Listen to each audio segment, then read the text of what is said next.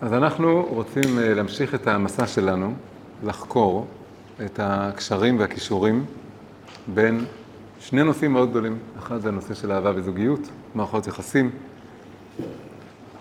בין אם זה מי שמחפש אהבה, ובין אם זה מי שיש לו אהבה ורוצה לחשוב איך להתקדם איתה. והנושא השני הוא הנושא של רוחניות. חיפוש רוחני, התפתחות רוחנית, צמיחה רוחנית. והנושאים האלה אמורים להיות מאוד קשורים, יהיו פעם מאוד מחוברים, קצת נפרדו. הרבה אנשים, בכלל אפשר להגיד הרוחניות היא במשבר גדול בעולם. העולם נהיה מאוד טכנולוגי ומודרני והישגי ופרקטי, ו... וה... וזה נהיה משהו מאוד אישי, החיפוש הרוחני, שזה טוב, אבל זה גם נהיה משהו שהרבה אנשים אולי הולכים לאיבוד, אין בדיוק מפה ברורה ומצפן ברור, כולם החיפוש הזה. ו... אבל הדברים האלה צריכים מאוד להתחבר, ובפרט הנושא של אהבה והתפתחות רוחנית, בגלל שבאמת באמת אי אפשר לבנות קשר שלם שמתפתח משמעותית לאורך זמן, אם הוא לא נותן גם מענה לצד הרוחני של בני הזוג, לחיפוש הרוחני שלהם. ויש בזה מימד שהם לחוד, ויש בזה מימד שהם ביחד. יש כל מיני אופנים שבהם שני העולמות האלה, העולם של השפה הרוחנית, דיבור רוחני, והעולם של בנייה של זוגיות, הם, הם נפגשים. אז אנחנו דיברנו במפגש הקודם, והיה עוד איזה מפגש לפני, אבל מה שאני רוצה שנעשה הפעם, ונדבר על המילה קדושה.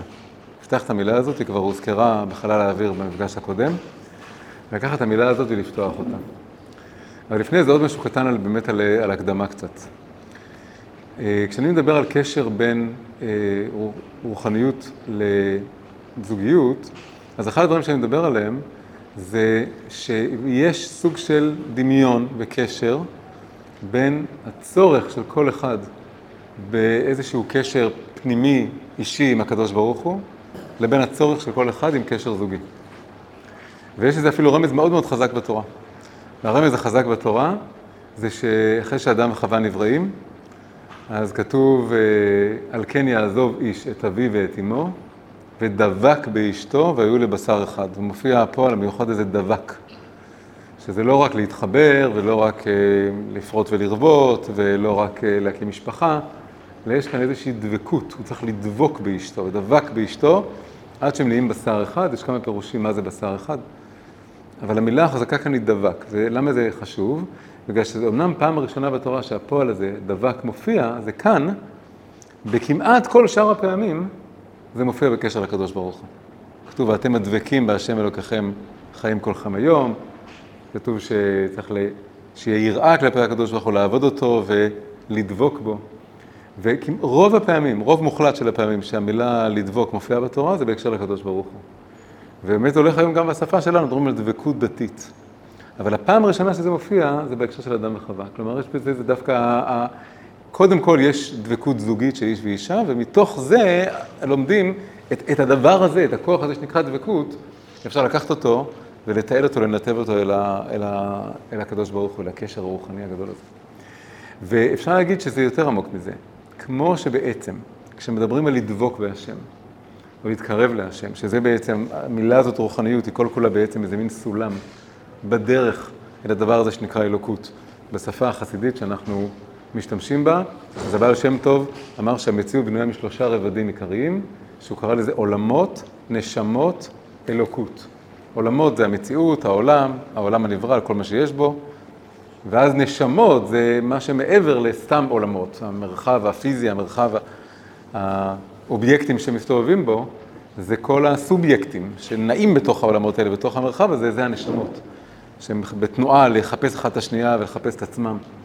וכל זה מוביל לרובד השלישי שנקרא אלוקות. אז בעצם נשמות כאן יוצא איזה מין קומת ביניים בין עולמות לבין אלוקות. אז רוחניות מוביל לאלוקות.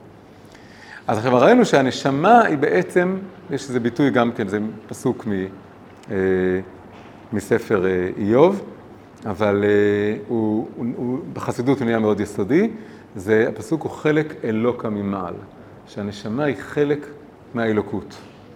כלומר, כשמחפשים את הקדוש ברוך הוא, בעצם מחפשים את השורש שלנו, את מה שמשלים אותנו. יש איזה ביטוי באנגלית, שאנשים, הרבה אנשים אוהבים להגיד אותו, שהוא לא מושלם, אבל הוא חמוד. הביטוי הזה שלכל אחד יש, קוראים לזה God-shaped hole בלב שלו, יש חור בצורת הקדוש ברוך הוא בתוך הלב שלו, ששום דבר לא, לא ימלא אותו חוץ מה, מהקשר עם הקדוש ברוך הוא. שלום, שלום.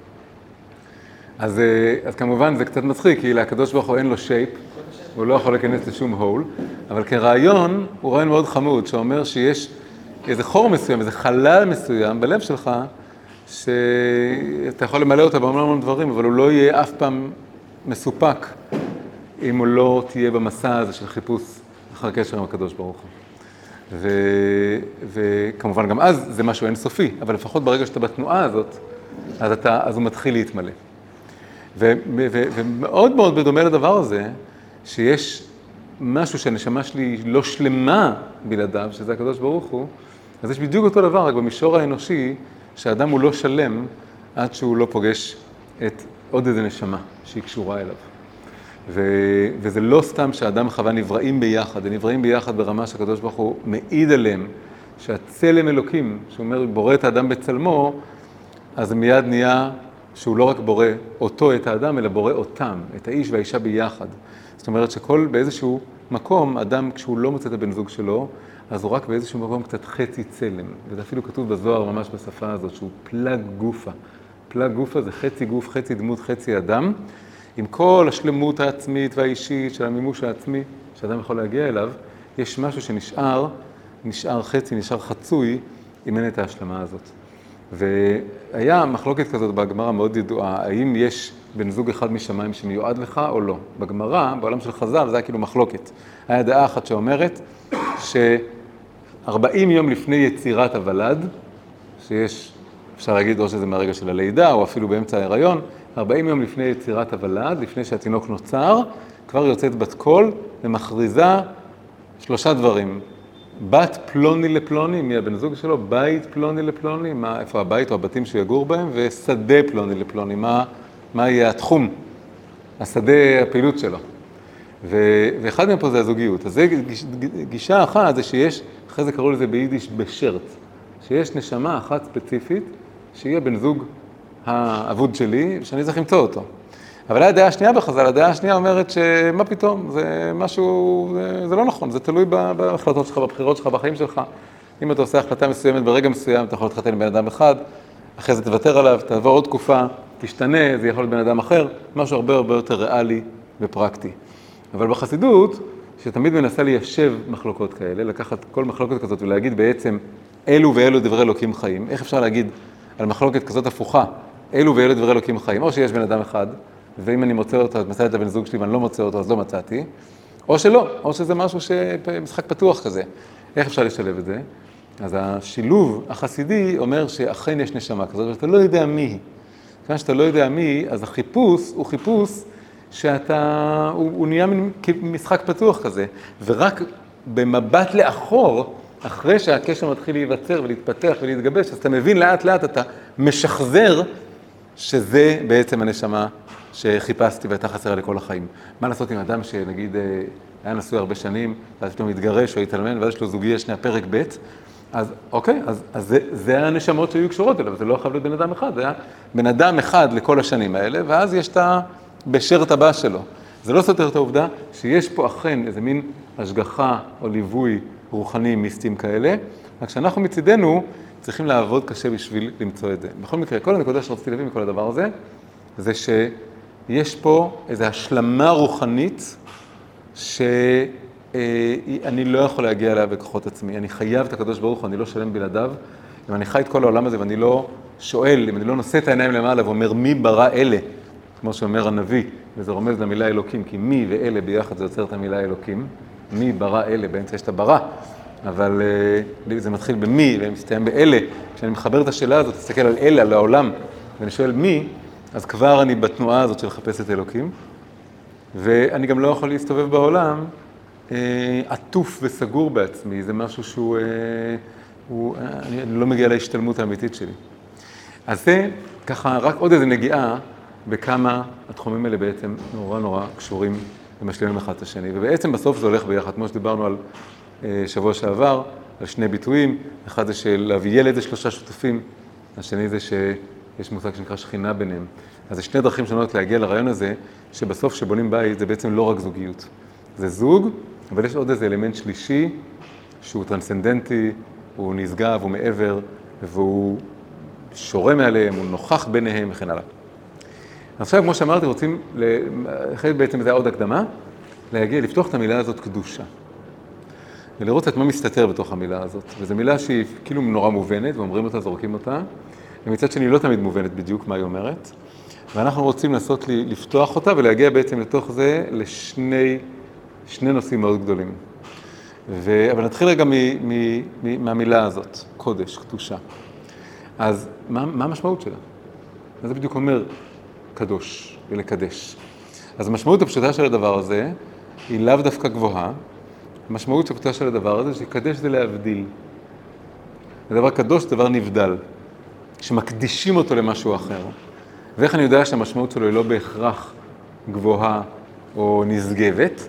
זה שיש גם, אחד המילים בעברית, מילה תנכית, זה המילה קדשה, וקדשה זה זונה. קדשה נקראת קדשה כי כולה מוקדשת לזה. היא לא הולכת להיות אימא, והיא לא הולכת, לי, אתה לא צריך להתחתן איתה, היא מוקדשת רק לספק את העניין הזה, ולכן היא נקראת קדשה. אבל כמובן שזה ההפך מכל מה שמזוהה עם קדושה, שמה שמזוהה עם קדושה זה משהו שהוא לא כזה פרוץ ומנותק מהקשר של ברית ומחויבות. אז סימן שהמילה הזאת, קדוש בפני עצמה, היא יכולה ללכת לכאן ולכאן. אבל בכל זאת, השימוש העיקרי הוא באמת שימוש חיובי, הוא שימוש גבוה. והשימוש העיקרי הוא קודם כל מדבר על הקדוש ברוך הוא, שהוא נקרא קדוש בגלל שהוא נבדל ונשגב מכל מה שאנחנו מכירים כאן בעולם הזה, הוא מעבר, לגמרי מעבר, לכל מה שאני מכיר במציאות, והוא המקור של איזושהי איכות שאנחנו רוצים לפגוש בעולם הזה, להכניס לעולם הזה, והאיכות הזאת נקראת קדושה. עכשיו, שימו לב שיש כאן שני דברים, בעצם שני הצדדים, שני הדפנות של המושג הזה שנקרא קדושה. יש לה צד חיצוני ויש לה צד פנימי. הצד החיצוני של קדושה קשור לליצור איזשהו תחום ולהבדלה ולבודד משהו מהמציאות. אני רוצה להקדיש את עצמי למישהו, אז אני, אני לא מקדיש את עצמי לדברים אחרים, אני מבד... מייחד את עצמי ויוצר איזה מין מעגל ביני לבין אותו דבר, ואותו דבר אני מקדיש כל דבר לכל דבר אחר. אז הצד החיצוני הבסיסי ביותר של הקדושה זה ליצור איזשהו תוואי וגבול ומסגרת. ו- וככה אני יוצר חלל קדוש וזמן קדוש ומקום אה, אה, קדוש וכן וכן הלאה. ו- אבל כל זה רק הצד החיצוני של הדבר הזה. והצד הפנימי זה שהמסגור הזה והבידול הזה מאפשר לאיזושהי איכות שקשה מאוד להצביע עליה ולהגדיר אותה ולהבין אותה, שקוראים לה קדושה, לשכון בתוך הדבר הזה. והיא לא יכולה לשכון בתוך הדבר הזה אם אני לא יוצר את ההבדלה והבידול הזה. אני חייב את הגבול הזה בשביל שישכון שם משהו אחר. וזה קצת הולך מאוד יפה עם זה שאפשר להגיד שבלב ליבה של כל התורה והיהדות, יש הרבה מצוות, תרי"ג מצוות, אבל המצווה הכי, באיזשהו מקום, הלב של כל הדבר הזה, אם פשוט קוראים את התורה וקוראים את כל המצוות, זה שיש מצווה אה, לעשות להשם משכן. ויש שתי מילים, מילה אחת זה מקדש, ומילה שנייה זה משכן, וזה בדיוק עומד את שני הדברים האלה. מקדש מדגיש את נושא ההבדלה, הקידוש, ההבדלה, ומשכן מדגיש את הנושא של שמשהו שוכן בתוך הדבר הזה, כן? והפסוק הכי מפורסם של זה, זה ועשו לי מקדש ושכנתי בתוכם. אם תעשו לי מקדש, אז אני אוכל לשכון בתוככם, גם בתוך החידה המפורסמת, זה למה לא כתוב ושכנתי בתוכו, כי זה לא בדיוק בתוכו רק, אלא זה גם בתוך הלב, בתוך המציאות של כל אחד מאיתנו. אז עשו לי מקדש ושכנתי בתוכם, רומז בדיוק שני הדברים האלה, מקדש ומשכן, או קידוש והיכולת של להשכין משהו בתוך המסגרת הזאת שיצרתי. עכשיו, יש עוד מין דרשה כזאת על המילה קודש.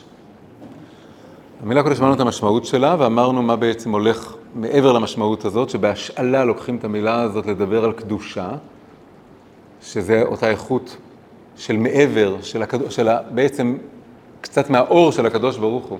שיכול אה, להרגיש אותו בתוך העולם הזה, אז צריך לבדל ולקדש איזה מקום, כמו שעושים בית כנסת, עושים, או מייחדים מקום לשיעור וכן הלאה. ו, והדבר ועכשיו יש מדרש. המדרש, זה, המדרשים מקשיבים לי הרבה פעמים, מקשיבים למילים, ומפרקים אותם ומשחקים איתם. ואחת הדרשות על המילה קודש, זה שקודש זה מלשון יקוד אש. יקוד אש זה שאני מבעיר אש, אז אני, יש ביטוי לעלות על המוקד, כן? מעלים מישהו על המוקד, המוקד זה הדבר שמדורה שמכינים. אבל יקוד אש זה בעצם, זה, זה, זה, זה קשור למיקוד, כמו שאני ממקד אור בזכוכית מגדלת, וככה אני יכול להבעיר משהו, אז אני צריך לעשות איזה מיקוד, והמיקוד הזה מאפשר לאיזושהי אש לבעור. זה בדיוק מאוד הולך יפה עם, ה, עם, עם מה שתיארנו על המילה קדושה. כשאני מבדיל ומקדש איזשהו מקום, איזשהו עניין, כן, כמו הפמות הזה, ובדיוק יש פה אש בתוכו, אז בתוך החלל הזה יכול להיות איזשהו מיקוד, ובתוך המיקוד הזה אני יכול להתחיל להעביר איזושהי אש. אז זה קרה לנו כמה דברים מה, מהביטוי הזה. עכשיו, יצא לנו שקודש קשור פתאום לאש, למרות שהמילה אש לא כלולה בו, יש רק את השין, אבל ברגע שאני שומע את זה ככה, את היקוד אש, קודש, יקודש, אז פתאום אני מבין שיש קשר מאוד גדול בין קדושה לבין אש. ואנחנו רוצים בזה להתמקד הערב, לקחת את הדימוי של אש ואת הציור הזה של מה זה אש, ומה זה אש בהקשר דתי ורוחני, שזה כמובן ביטוי מאוד מרכזי, הנשמה משולה לנר, נר השם, נר השם נשמת אדם, ובמשכן, במקדש, מבעירים אש, יש אש תמיד שבוערת על המזבח. אז אש דבר מאוד רוחני, אש בכלל זו תופעה מופלאה מאוד, זה איזה מצב צבירה זה אש, כן? זה לא אף אחד משלוש מצבי הצבירה, זה משהו מיוחד מאוד, שבעצם, אפשר להגיד בטרמינולוגיה של פעם, הוא היה מצב צבירה רביעי, כי אם דיברו על עפר ומים ורוח ואש, אז עפר, מים ורוח זה ממש כמו מוצק נוזלי וגז, ואז יוצא שהאש זה מין מצב צבירה רביעי. היום מדברים על פלזמה כמצב צבירה רביעי, אבל זה משהו נורא נורא מיוחד ונדיר. ויש משהו לא מיוחד ולא נדיר, מאוד יומיומי, שנקרא אש, שהוא גם סוג של מצב צבירה רביעי. אז יש משהו מאוד קדוש ורוחני ופלאי וחידתי באש. איך היא בוערת ואיך היא לוקחת חומר והופכת אותו לרוח, כמשל, כן? וכמובן, אש זה גם מאוד הולך עם זוגיות. אש וזוגיות. ואפילו כשמדברים על חיי אישות, בכלל המילים איש ואישה, יש בהם אש, יש משהו בנשמת האדם, מדברים על ניצות חיים, זה הכל מלא אש. והמילים איש ואישה, שהולך ביחד, גם המילה אישות, זה מאוד מאוד קשור באש. אז, אז מה הקשר בין אש במובן הזוגי לאש במובן הרוחני, ו, ומה אפשר ללמוד מכל הדבר הזה? וכמובן, כל ההקדמה הארוכה שעכשיו עשיתי, על זה שקודש זה מצד אחד להבדיל, ומצד שני ככה לאפשר איזו איכות, אז דיברתי על זה בהקשר של מקדש ומשכן, אבל זה אותו דבר לגבי בניית בית, זה בדיוק אותו דבר. כשאני בונה בית זה לבנות משכן. ו... ו... וכמו שהבית מקדש בנוי כמעגלים מעגלים, עד שבלב שלו יש דבר שנקרא קודש הקודשים, הדבר כל כך קדוש, אפילו היכל הקודשים שמחוצה לו, הוא כביכול עדיין חולין לעומתו, לכן הוא קודש הקודשים, שמה שמחוצה לו לא נחשב קודש לעומתו, אז ככה גם בבית זה בנוי ככה, ובסוף זה מגיע לחדר האינטימי. מה יש בקודש הקודשים? יש את ארון הברית. מה יש בארון הברית? יש שם את הכפורת, המכסה, ועל הכפורת יש שני כרובים, שני פסלים של מלאכים. כמה שהיהדות היא נגד פסלים, פתאום בקודש הקודשים, כחלק מה...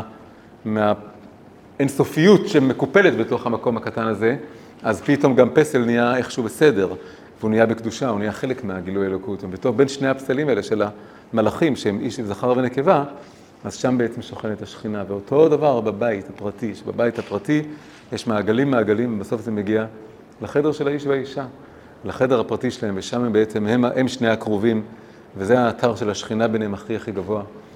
ובדיוק הדבר שהרבה דתות בעולם הכי ברחו ממנו והתנזרו ממנו, ובנצרות זה ודאי ככה שמי ש... גם במזרח, מי שרוצה להיות קדוש, הוא חייב להתנזר מעניין העולם הזה, ובמיוחד מהקשר בין איש ואישה, כאן זה נהיה המקבילה של קודש הקודשים. לכן שיר השירים, שבפשט החיצוני שלו הוא נראה שיר מאוד מאוד מאוד ארצי, על קשר בין איש ואישה, באמת היה ויכוח אם להכניס אותו לתנ"ך או לא, אבל רבי עקיבא אמר, ברור שלהכניס, והוא קרא לזה שכל המקרא הקודש ושיר השירים הוא קודש קודשים. אז שיר השירים שהוא שיר מאוד על, על אינטימיות של איש ואישה, הוא קודש הקודשים והחדר החדר הפרטי, החדר, אישו, חדר השינה של האיש והאישה זה כמו הקודש קודשים, ואפילו הקודש קודשים של המשכן מכונה בספר מלכים חדר המיטות. יש שם איזה דימוי פתאום נאמר לבית המקדש חדר מיטות, המפרשים מסבירים, זה קודש הקודשים. אז כל הדברים האלה זה הכל קשור אחד לשני, שאני צריך המון שמירה ובידול, ואיזה מין, אה, יש שם ביטוי מעולם המחשבים, אה, firewall, כן? חומת אש, רוצים לשמור על המחשב מווירוסים ומהפרעות, אז בונים firewall, בסין בנו firewall מסביב לכל המדינה, מבודדים את המדינה. בכל מקרה, firewall, חומת אש, זה גם ביטוי מהתנ"ך, הוא בא לשמור על הקדושה של הזוגיות, שזה גם הקדושה של הרוחניות, זה הולך ביחד לגמרי. עכשיו, הפסוק שניקח משיר השירים, וניקח אותו לשני כיוונים, הפסוק הוא מאוד מפורסם, אחד הפסוקים הכי מפורסמים בכל התנ"ך, כי עזה כמוות אהבה, קשה כשאול קנאה, רשפיה רשפי אש שלהבת יה. זה הפסוק. כי עזה כמוות אהבה, קשה כשאול שנאה, רשפיה רשפי אש שלהבת יה. כן, פסוק מאוד חזק ומעניין. ויש לנו פה שני דברים עיקריים, חוץ מהאש, בסוף יש אהבה ויש קנאה. אז אנחנו רוצים לפתוח את שני הדברים האלה, ולשאול על אש של אהבה ועל אש של קנאה.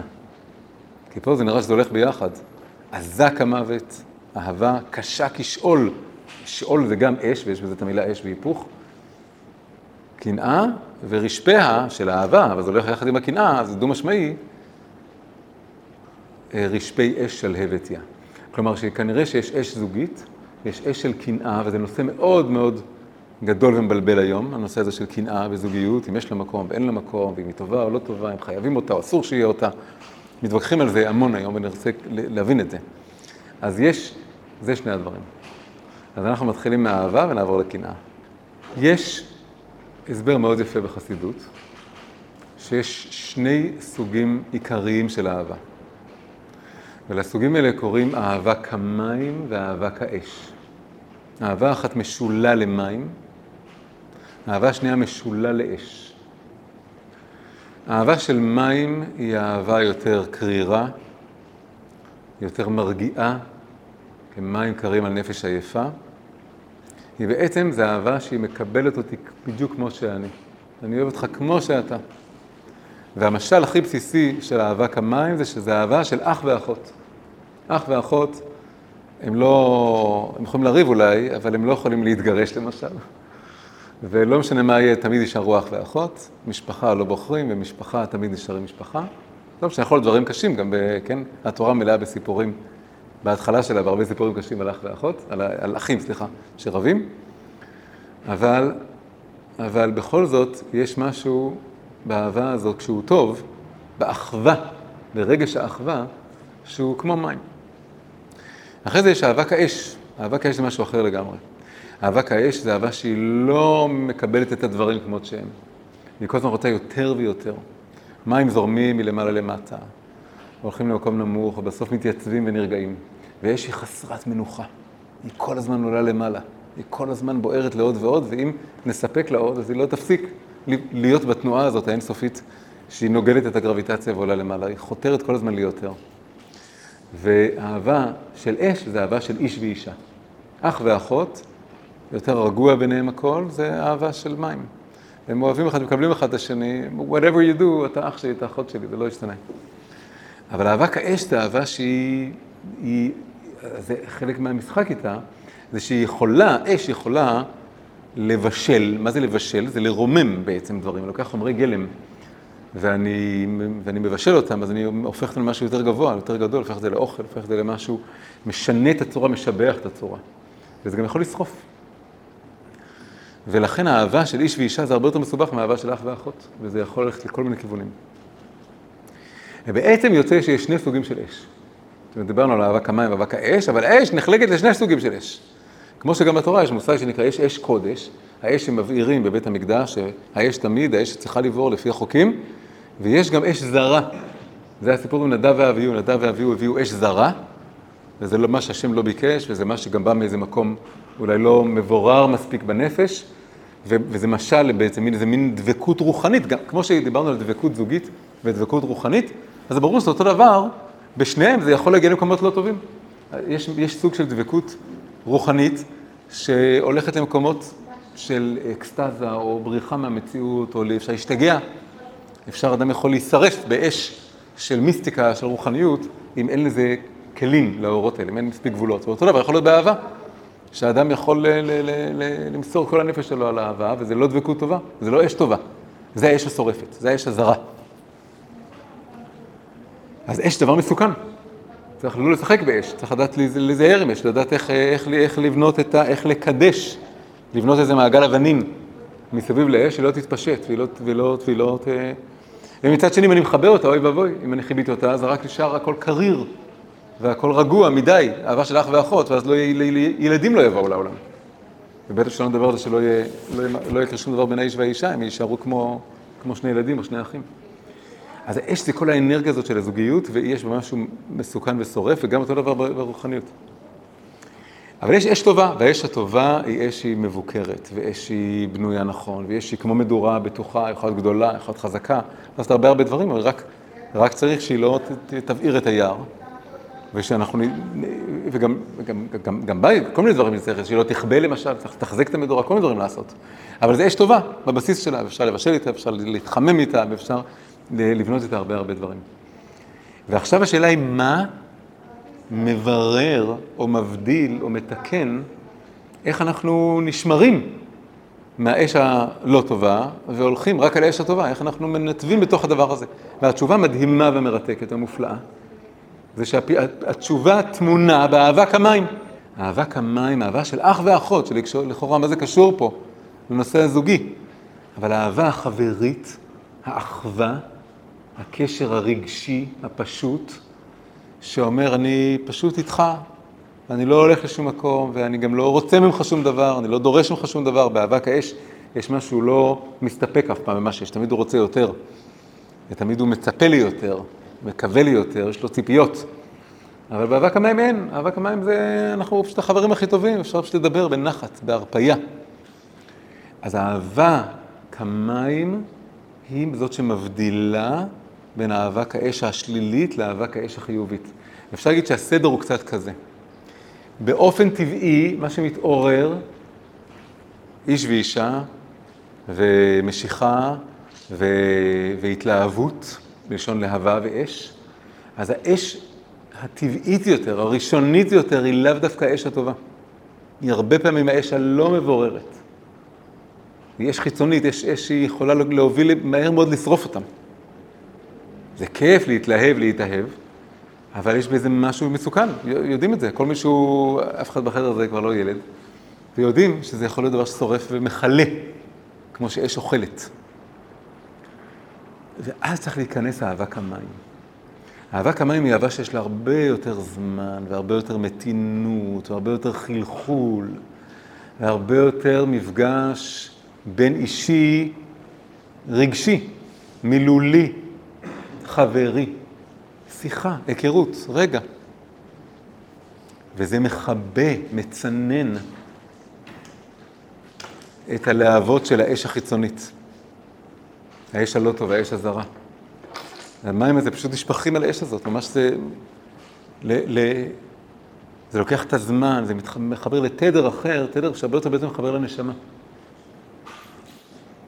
ואז מתוך עכשיו, זה, זה גם באיך שזוג מכיר, וזה גם ביום-יום של זוגיות, בשגרה, שיש כל מיני סוגים של אש, זה גם יכול להיות אש של תשוקה, זה גם יכול להיות אש של כעס, אש זה משל לכמה דברים, הרבה פעמים זה שני הדברים העיקריים, זה יכול להיות, זה כל, כל סוגי היצר, יצרים בוערים, אז זה יכול להיות כל מיני סוגים של יצר.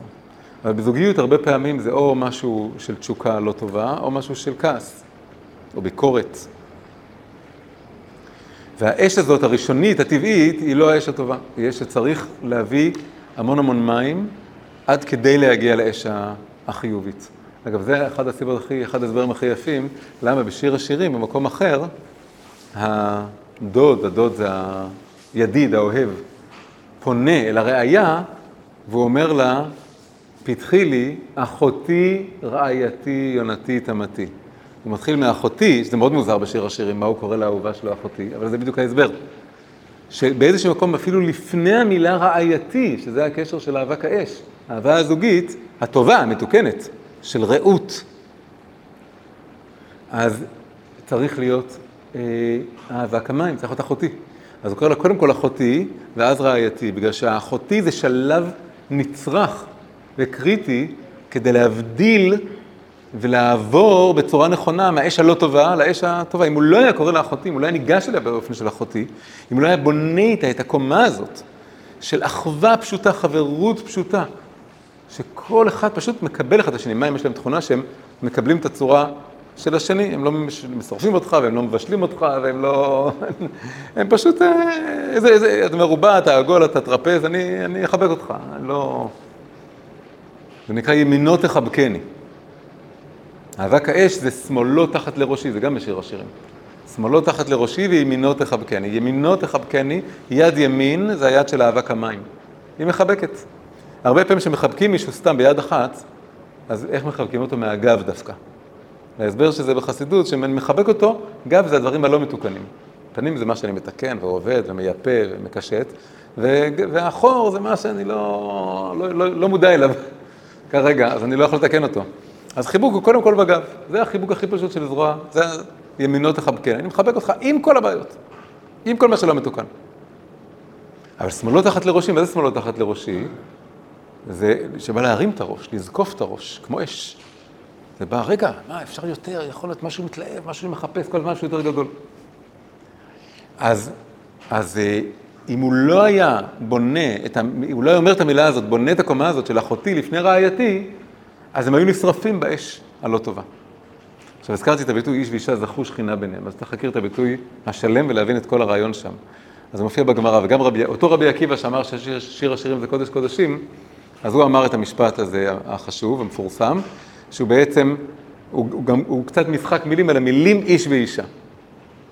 אז המשפט הוא, איש ואישה זכו, אם הם זכו, וזכו זה לא, לא הכוונה בלוטו, לא הכוונה בפרס, הכוונה היא, עשו פעולה של לצבור זכויות, פעולה של זיכוך. איש ואישה זכו, אז שכינה ביניהם, וההמשך של המשפט זה לא זכו אש אוכלתם.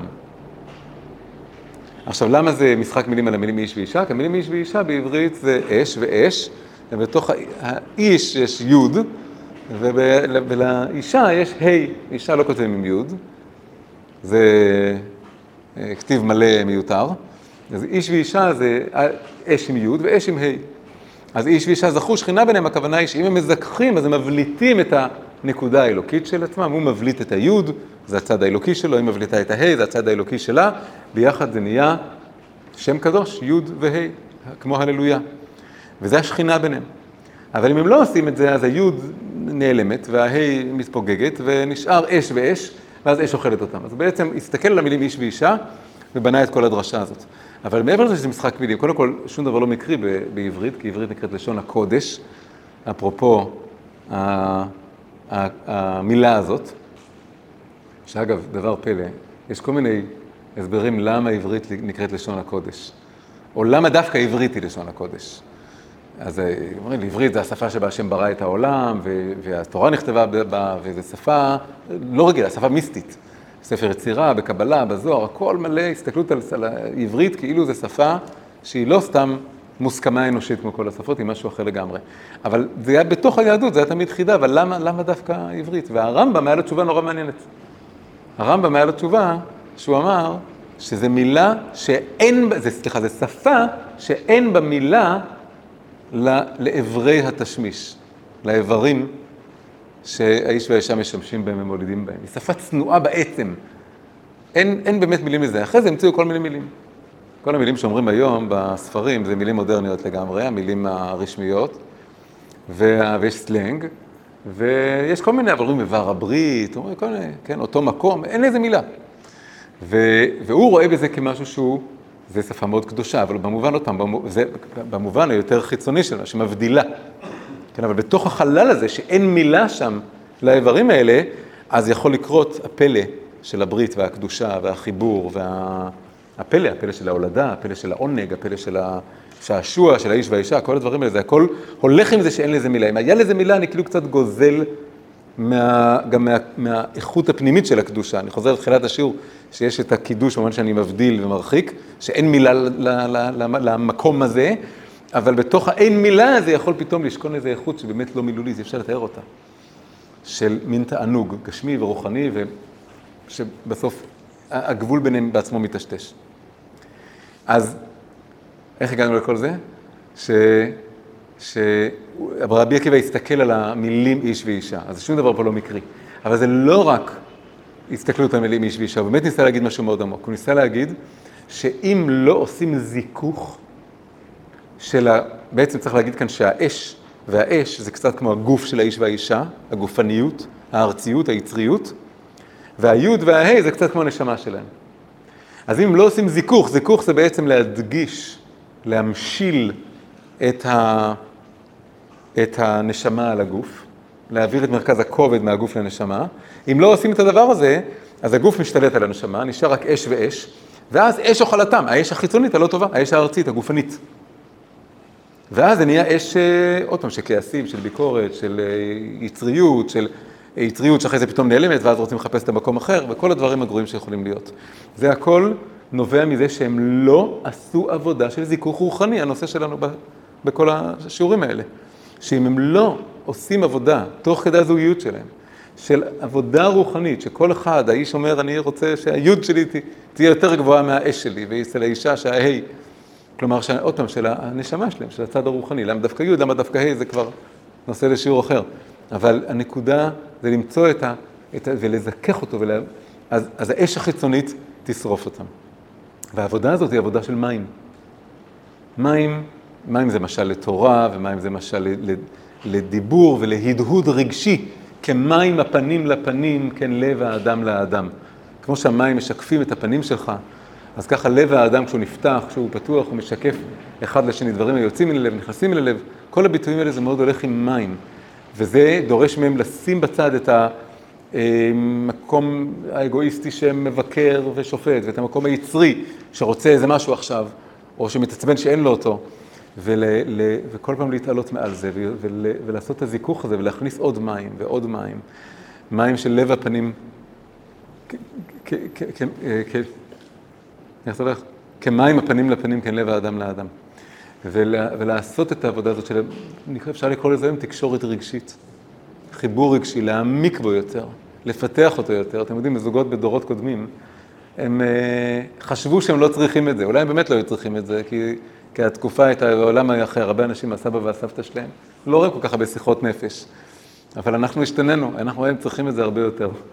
כי המודעות נעשתה הרבה יותר גבוהה, והעולמות הנפשיים שלנו עשו הרבה יותר מורכבים ומסובכים. בשפה של הארי זה שכולנו היום נשמות מגולגלות. אפשר לקרוא לזה ככה, אפשר להגיד שכולנו פשוט עם מלא שכבות ומלא מטענים. ואנחנו צריכים למתוח הרבה סיבים רגשיים אחד עם השני, וזה מים. זה מים, זה עוד חלחול ועוד חלחול, שזה יגיע לעוד רבדים. עכשיו, מה שקורה, שאם זה נשאר, האיש ואישה, אה, אם הם זכו, אז יש שכינה ביניהם, אז זה נשמע שהשכינה הזאת היא משהו מאוד קריר ומימי ורגוע ואח ואחות. והאש זה רק לא טוב, כאילו האש זה, אש אוכלתם זה לא טוב. אבל, אבל אם אנחנו זוכרים את שיר השירים, אז השתי האותיות האלה, י' וה', גם נמצאות בפסוק שלנו. אזק המוות אהבה, קשה כשאול קנאה, רשפיה רשפי אש שלהבת יה. כלומר, אותו י' וה' הם רוצים להיות שלהבת. זה ברור שכל הדבר הזה, כל מה שרבי עקיבא עשה, שהוא אומר, יש אש לא טובה, שיכולה לאכול אותך, תיזהר ממנה. ועכשיו אתה צריך שכינה ביניהם, משהו רוחני שנובע מהקשר הרגשי המימי הזה, שכל אחד עושה משיקוף אחד לשני, ומקבל אחד את השני ואוהב, ופשוט נהיים חברים טובים נורא. אז, זה, אז מה, נשארים ככה? לא, ברור, זה הכל מוביל לזה שעכשיו יש את היוד וההא הזה, שתי הנשמות, אז רוצים שלהב את יא, וזה האש, האש הטובה החיובית. כן? אז זה, זה מבנה מאוד מאוד יפה, מאוד מאוד... מקסים, שמתחיל מאש חיצונית, שזה אש אוכלתם, האש הגופנית, האנוכית, המקפידה, היצרית, ואז זה עובר למים, שזה הזיכוך, ולהבליט את היוד וההי, ואז היוד וההי עצמם הופכים להיות שלהבת, הופכים להיות אש קדושה וטובה. ומה ההבדל העיקרי בין האש החיצונית, הפנימית, הטובה, לאש החיצונית? זה שהאש הפנימית היא, היא, היא נדלקת מהפנים החוצה ולא מהחוץ פנימה. האש החיצונית מתחילה בחוץ. כי היא רוצה איזה משהו, היא רוצה איזה תוצאה. היא רוצה להשיג משהו, היא רוצה לכבוש משהו, היא רוצה לשרוף משהו, היא רוצה לנכס משהו. אבל האש, ה... האש הפנימית היא מתחילה מבפנים, היא מתחילה מהנשמה, היא אש של תשוקה של נשמה אל נשמה אחרת. ומתוך ההשתוקקות שלהם מתחברות ויוצרות, כמו ששני להבות מתחברות ללהבה יותר גדולה, לאבוקה, אז אה, אבוקה זה מזכיר את המילה דבוקה ומזכיר את המילה חבוקה, זה הולך ביחד, יש, זה, בפיוטים זה הולך ביחד, דבוקה וחבוקה בך. הנשמה דבוקה וחבוקה בקדוש ברוך הוא.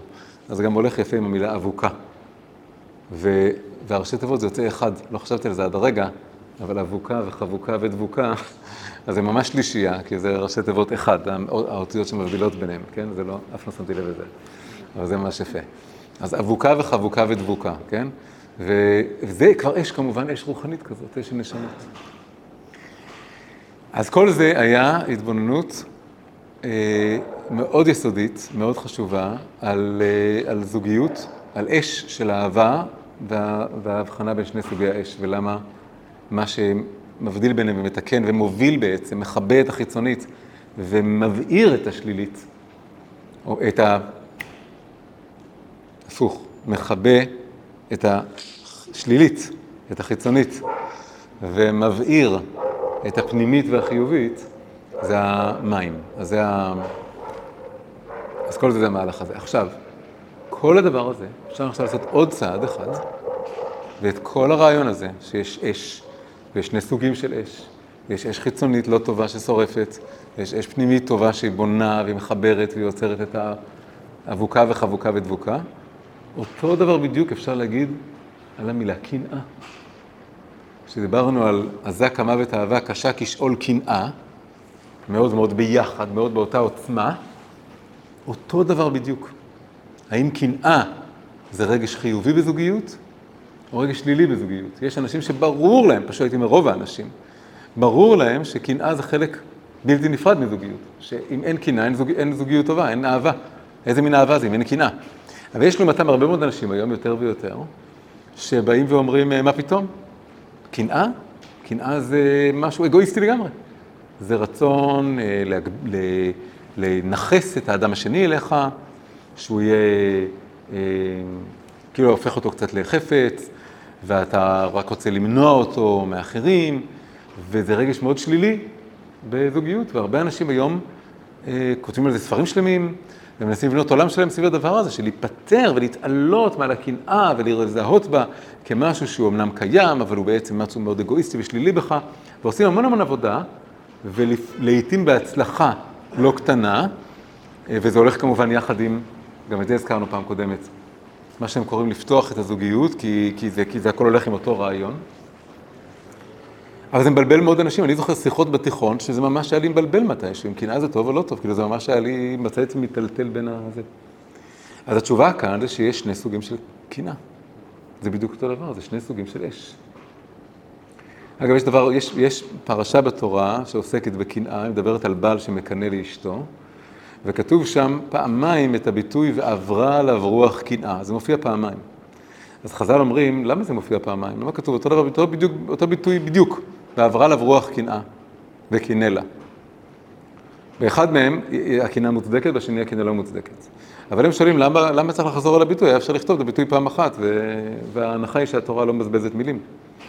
ואז הם, הם אומרים איזה ביטוי, הם אומרים, זה רוח קנאה, יש רוח טומאה ורוח טהרה. והכוונה זה שיש קנאה שמגיעה ממקום טמא בנפש, טמא זה מנותק, זה אטום, זה לא מחובר, זה לא טוב, זה גס, זה חיצוני, זה אגואיסטי. ויש קנאה שמגיעה ממקום טהור. טהור זה מקום מואר, מקום טוב, מקום חיובי. זה הקנאה של אזק המוות והקשה כשול קנאה ביחד. הם חייבים ללכת ביחד. אז מה זה שתי הקנאות האלה? אז, אז זה מאוד מאוד קשור באמת, במילה קנאה עצמה מסתתר המילה, ש... המילה קניין. קניין זה משהו שייך לי. המילה הזאת שייכות היא יכולה ללכת לבאמת שני כיוונים.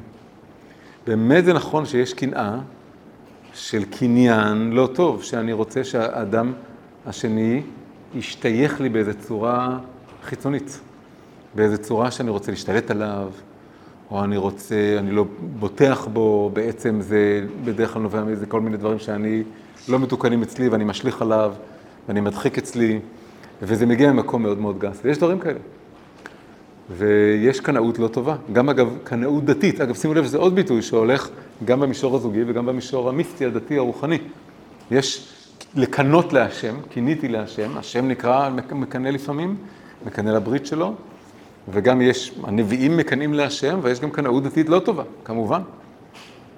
מפחיד, מפחידה, היו קנאים בהיסטוריה של עם ישראל, הם לא היו, זה לא היה דבר טוב.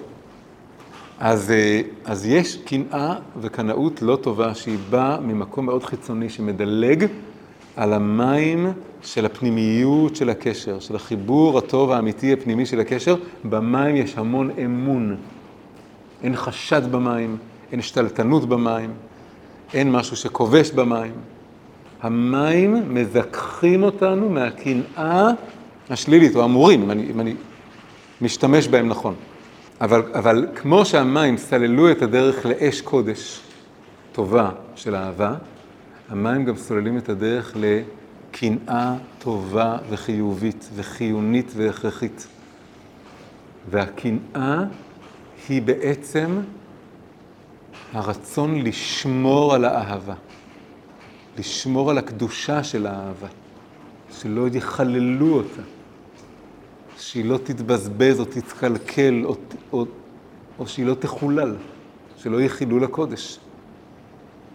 וזה הולך יחד עם האהבה, בגלל שהאהבה היא לבנות משהו קדוש ומיוחד. מה שאני מקדיש את עצמי לבן אדם אחר, ואנחנו מקדישים את עצמנו, שנינו, לבנות ביחד דבר שהוא יותר גדול משנינו. וכמו שיש הסבר, יש, תמיד כשמדברים על עבודת השם, אז מדברים על זה שיש אהבה ויראה, וביחס לקדוש ברוך הוא. אבל היראה תמיד מבלבלת אנשים, כי מה, אני צריך לפחד מהקדוש ברוך הוא? אני צריך לפחד מהעונש? אז עונש ודאי שלא לפחד, אבל יש גם נגיד לפחד ממנו. יש יראת חטא, יש יראה, יש כל מיני יראות. אבל ההסבר הכי הכי עמוק בחסידות, זה שבאמת מה התפקיד של היראה? התפקיד של היראה הוא לשמור על האהבה.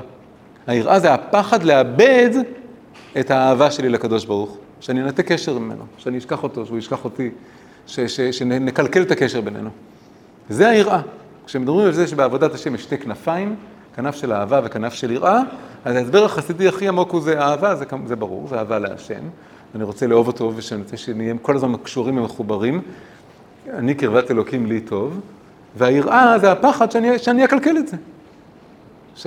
זה היראת חטא, אני פוחד שאם אני אעשה חטא, אני אקלקל את האהבה שיש בינינו.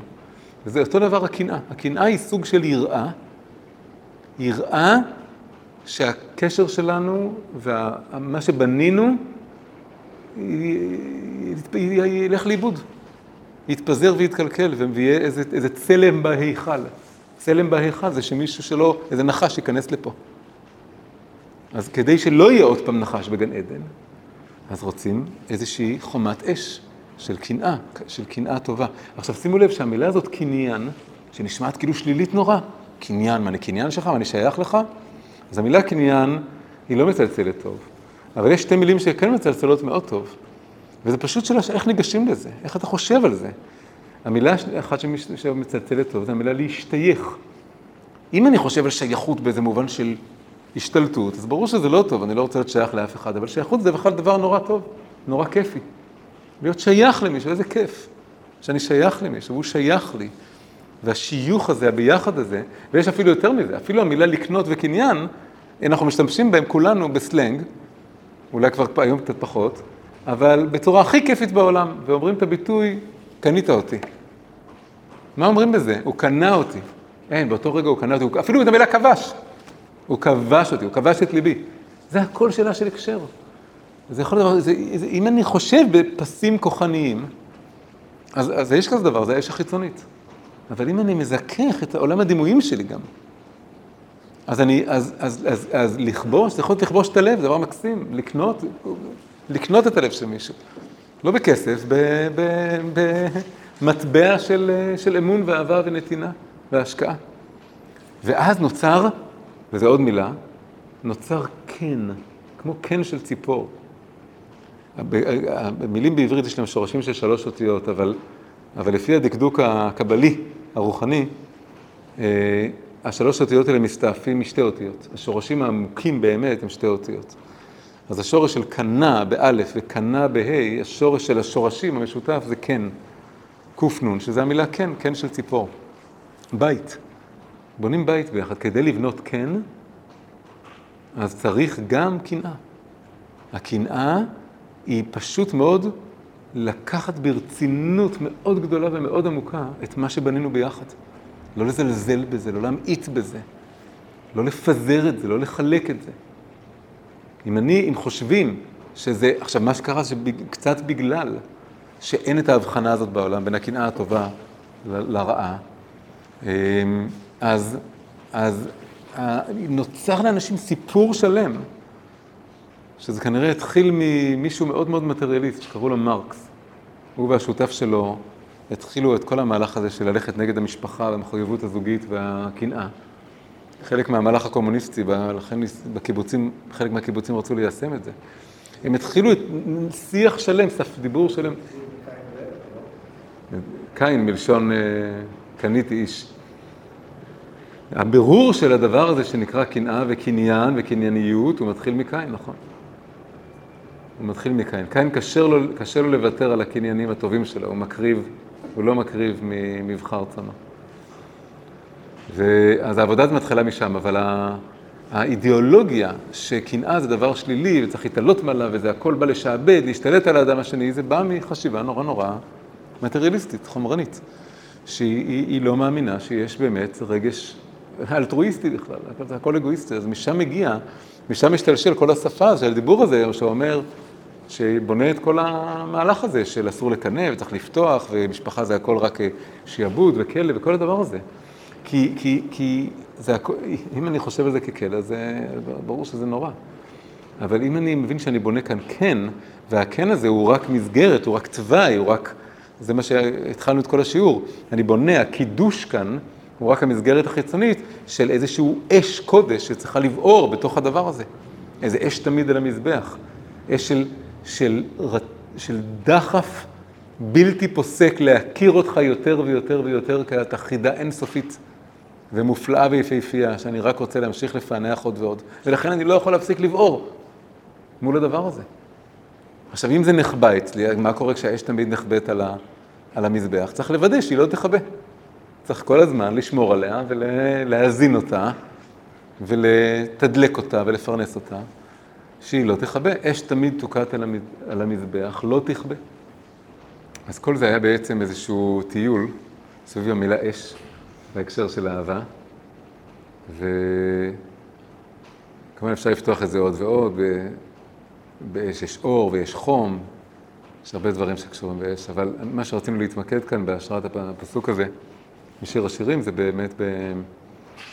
באהבה ובקנאה, ולהבדיל בין שני סוגים של שניהם, ו... ולראות איך המרכיב של המים, שזה הזיכוך, העבודה הרוחנית הפנימית, העבודה של תקשורת רגשית, של חיבור נשמתי בין בני הזוג, שלא מבוסס רק על יצר או אינטרסים או צרכים. הוא, הוא זה שמזכך ומחבר אותנו עם האש הפנימית גם של האהבה וגם של הקנאה. Bye.